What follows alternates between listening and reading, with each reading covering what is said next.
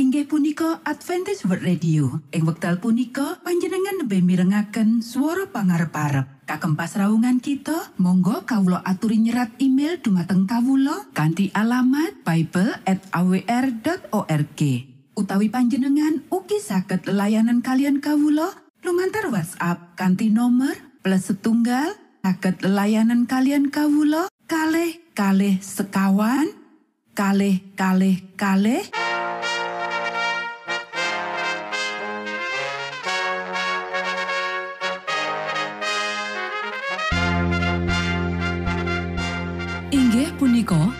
Adventist World Radio ingkang giaran kanti basa Jawi. Tentrem rahayu kula aturaken kagem para mitra kinasih ing pundi papan lan panggonan. Sugeng pepanggian malih kalian Adventist World Radio. Kanti bingahing manah Kulo badhe sesarengan kalian para mitra kinasih lumantar saperangan adicara ingkang sampun rinonci mligi kagem panjenengan sami. Mugi giaran punika saged migunani tuwin dados berkah kagem kita sedaya. Sugeng midhangetaken Gusti amberkahi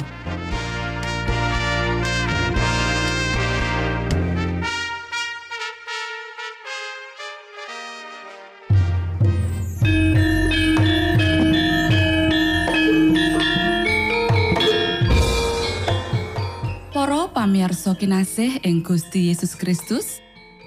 Ing wekdal punika kita badhe sesarengan ing adicara ruang kesehatan. Ingkang saestu migunani kagem panjenengan saha kita sami. Tips utawi pitedah ingkang dipun aturaken ing program punika tetales dawuhipun Gusti ingkang dipunnyatakaken ing kitab suci. Semantan ugi sakehing seratan ingkang dipun wangsitaken dening Gusti Allah. Nanging saderengipun, monggo kita sami midhangetaken kidung pujian.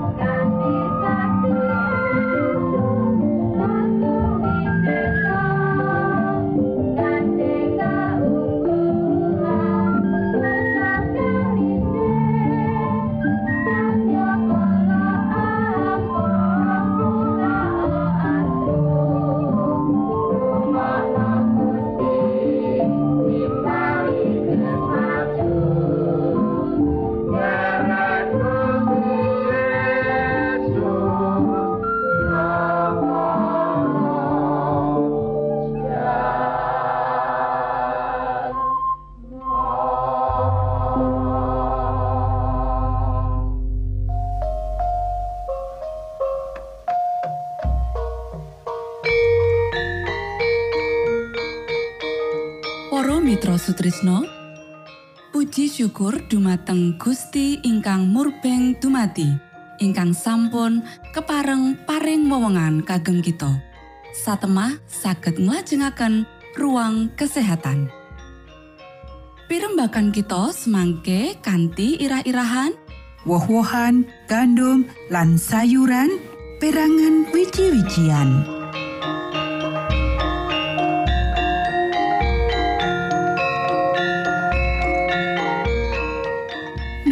Dumateng para pamiarsa kakung saha putri ingkang dahat kinurmatan sugeng pebanggian malih kalian kula Isti Kurnaidi ing adicara ruang kesehatan. Dinten punika kanthi irah-irahan woh-wohan gandum lan sayuran perangan wiji-wijian.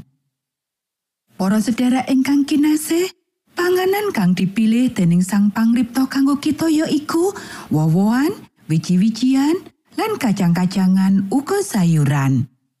Iki minangka panganan sing paling enak lan nyihatake yang dicawesake kanthi alami lan kanthi cara sing prasaja. Panganan iki ngasilake tenaga, daya tahan lan kekuatan akal sing ora ditemokake ing panganan sing ruwet lan ngrangsang. Para sederek, wong kang mangan daging mung mangan wiji-wijian lan sayuran turah-turahan. Awit kewan-kewan iku oleh gizi kang nuwuhake. Unsur urip pindah saka wiji-wijian lan sayuran menyang awake sing mangan. Kita nampani kanthi mangan daging kewan. Luwih becik yen kita antuk langsung kanthi mangan panganan sing diparingake dening Gusti Allah kanggo kita. Para sedherek ingkang kinasih, salah menawa kita nduweni panganggep yen kekuatan otot kumantung marang gunakake panganan daging. Tanpa nggunakake panganan daging, kabutuhan awak bisa dicukupi lan kasarasan sing luwih apik bisa dinikmati. Wiji-wijian, woh-wohan, kacang-kacangan, lan sayuran ngandhek kabeh unsur gizi sing dibutuhake kanggo gawe getih sing duweni kualitas dhuwur. Ing wiji-wijian, woh-wohan, kacang-kacangan, lan sayuran ana kabeh sarining panganan sing kita butuhake. Yen kita sowan marang Gusti Allah kanthi pikiran sing prasaja, panjenengane bakal mulang kita carane nyawesake panganan kang nyihatake tanpa panganan daging. Para sederek ingkang kinasih, alam nyediakake kanthi turam rawah, wowohan, wiji-wijian, kacang-kacangan lan sayuran. Saka taun boko taun, Asil bumi saya rata ditomake marang saben wong amarga sarana angkutan wis luwih lancar. Akibate akeh panganan sing sawetara taun kepungkur dianggap menangka panganan mewah sing larang, saiki bisa digayo saben wong minangka panganan saben dina. Para sederek menawa kita ngrancang kanthi wicaksana, panganan sing paling apik kanggo kasarasan bisa ditemokake ing meh kabeh negara. Panganan kayata beras, gandum, jagung lan klepung dikirim menyang endi wae. Semono uga kacang lan wiji liyane sing tuwa ing saben panggonan. Kabeh iki menehi wewengan kanggo milih panganan sing sampurno tanpa mangan daging. Woh-wohan, wiji-wijian, lan sayuran sing dicawesake kanthi prasaja tanpa rempah-rempah lan kabeh jenis lemak ditambah karo susu lan krim iku panganan sing paling sehat. Panganan iki menehi gizi kanggo awak, uga daya tahan, kekuatan akal sing ora diasilake dening panganan sing rangsang. Para sedherek ingkang kinasih, wiji-wijian lan woh-wohan sing disediakake tanpa lemak lan ing kahanan alami kudu dadi panganan sing dicawesake ing meja nedha wong-wong sing ngaku wis sumadya diangkat dadi warga swarga. Butuh sawetara jam kanggo masak wiji-wijian minangka bahan bubur. Nanging panganan sing alus utawa cuwer kurang sehat tinimbang panganan garing. Panganan garing kudu dimamah kanthi teliti. Sawetara wong mikir yen panganan sehat biasane awujud bubur. Mangan bubur sing akeh ora jamin nyehatake kanggo sistem pencernaan. Amarga bubur akeh ngandhek banyu. Anjurake mangan woh-wohan, sayuran, lan roti. Sampeyan bisa masak bubur cuer. Yen glepung iku kasar banget, ayaan glepung iku. Nalika bubur isih panas, tambahne susu. Iki bakal dadi panganan sing nyehatake sing apik kanggo perkemahan. Yen sampeyan ninggalake panganan daging, kantine kudu kalebu maneka warna wiji-wijian, sayuran lan woh-wohan sing nyenengake lan nyihatake. Panganan daging kudu diganti karo panganan sing nyihatake sing ora larang. Matur nuwun, Gusti amberkahi.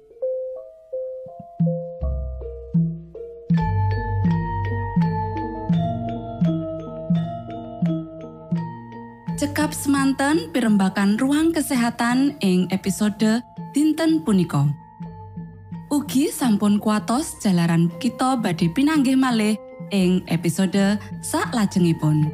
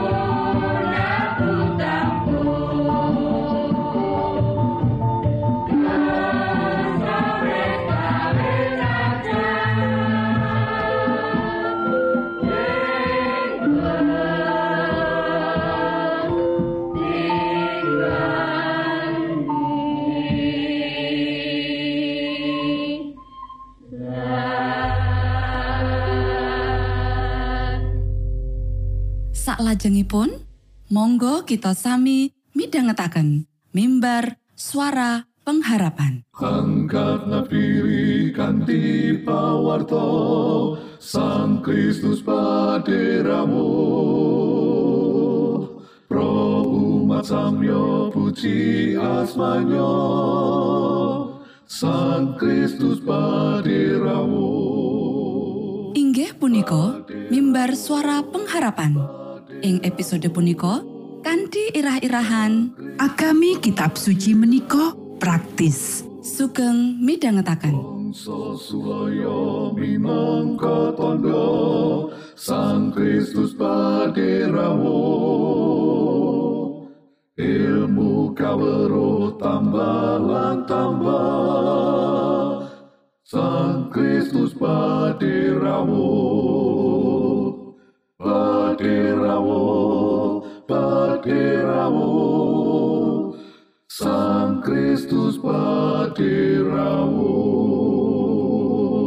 Shalom, para pamirsa ingkang kinasih wonten ing Gusti. Sak menika kita badhe mitangetaken renungan Sabda pangantikanipun Gusti. Ing dinten punika kanthi irah-irahan agami kitab suci menika praktis. Dawuh pangantikanipun Gusti wonten ing kitab Yakobus pasal setunggal ayat pitulikur inggih punika pangabekti sing bener lan tanpa cacat ana ing ngarsani Gusti Allah Rama kita ya kuwi ngrumati para bocah lolo lan para rondo ing sakjroning kasangsarane lan jaga supaya awake dhewe aja nganti kena ing jejembering donya. Para sedherek ingkang kinasih, agami kitab suci menika sanes ageman ingkang saged karasuk lan karucat sakecanipun piyambak. Menika satunggalipun pengaruh ingkang nglangkungi sedaya samukawis ingkang nuntun kita dados pandherekipun Sang Kristus ingkang sabar lan mambeng diri nglampahi kados dene ingkang panjenenganipun tindakaken lumampah kados dene panjenenganipun tindak. Agami menika mucal kita datar kesabaran lan ketekunan nalika wonten ing wekdal nalika kita nampi tindakan soro lan boten adil. Namung menawi sabdanipun Gusti Allah katamel dados kegebengan ing salebetipun pagesangan kita, sedaya samukawis ingkang kita tindakaken kepara saben tindakan alit badhe ngendikaaken bilih kita sumende dumateng Gusti Yesus Kristus. Malah kepara penggalihan kita ugi sampun kapilut dumateng panjenenganipun. Menawi sabdanipun Gusti Allah katampi wonten salebetipun manah, pramila sabda menika nyuwungaken jiwa saking kemarman diri lan kumantungipun diri. Pagesangan kita badhe dados setunggalipun kegiatan kagem kasainan. Amargi Roh Suci ngisi penggalihan kita kanthi prakawis-prakawisipun Gusti Allah. Agami Kristus kedah dipun tindakaken amargi pikajengan kita anyondongi dumateng karsanipun Gusti Allah. Para sedherek ingkang kinasih, titipriksanen kitab suci.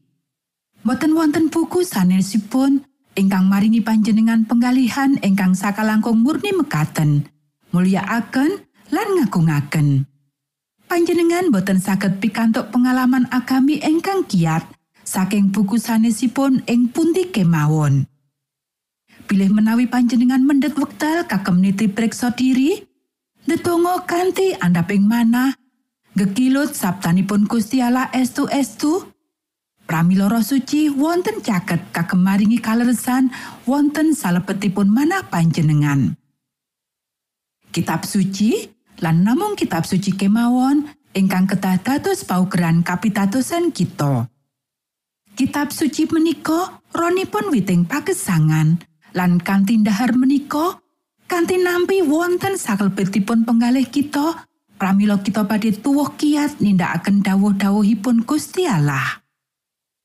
Para sederek menawi kita boten nampi agami Kristus kanthi ndahar sabdanipun Gusti Allah, pramila kita boten badhe kapenggalih pantes lumebet kitanipun Gusti Allah. Amargi gesang saking dedaharan katonyan, gula wentah raos pangraos kita kagem resnani perkawis-perkawis katonyan, Pramila kita boten saged ngaosi ombak murni kasuwargan ingkang mili wonten ing swarga.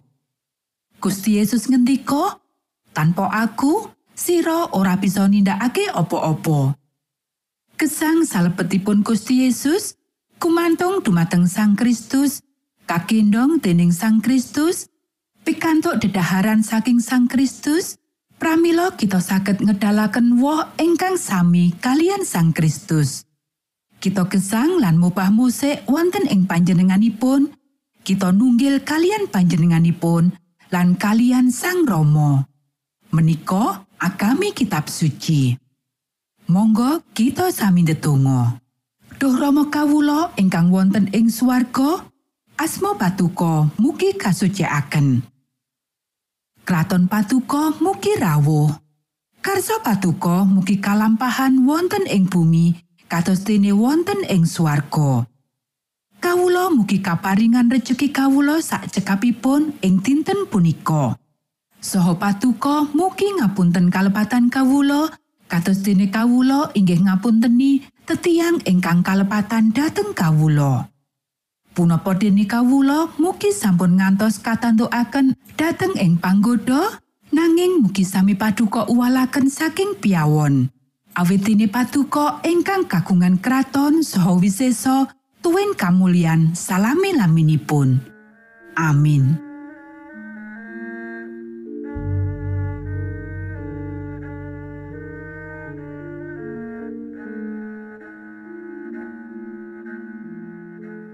Mitra Sutrisno pamiarsa kinasih ing Gusti Yesus Kristus.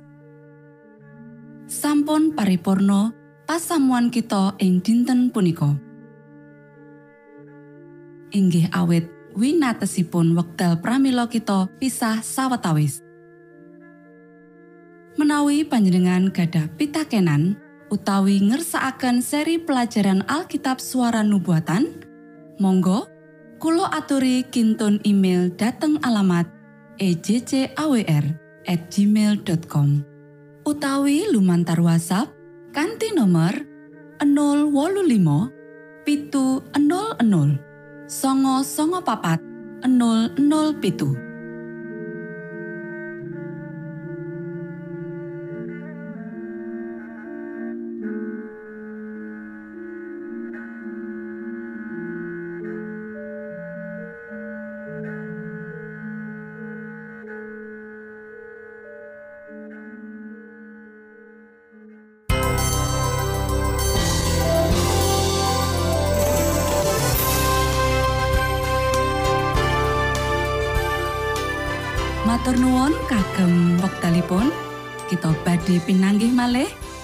gelombang ugi wekdal ingkang sami. Saking studio kula ngaturaken tentrem rahayu. Gusti amberkahi kita sedaya. Maranatha.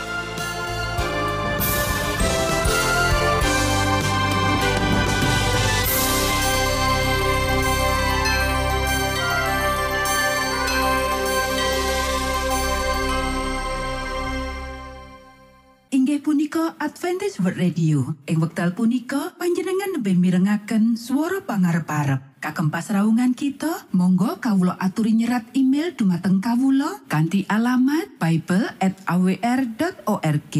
Utawi panjenengan ugi saged layanan kalian kawula lumantar WhatsApp kanthi nomor plus setunggal saged layanan kalian kawula kalih kalih sekawan kalih kalih kalih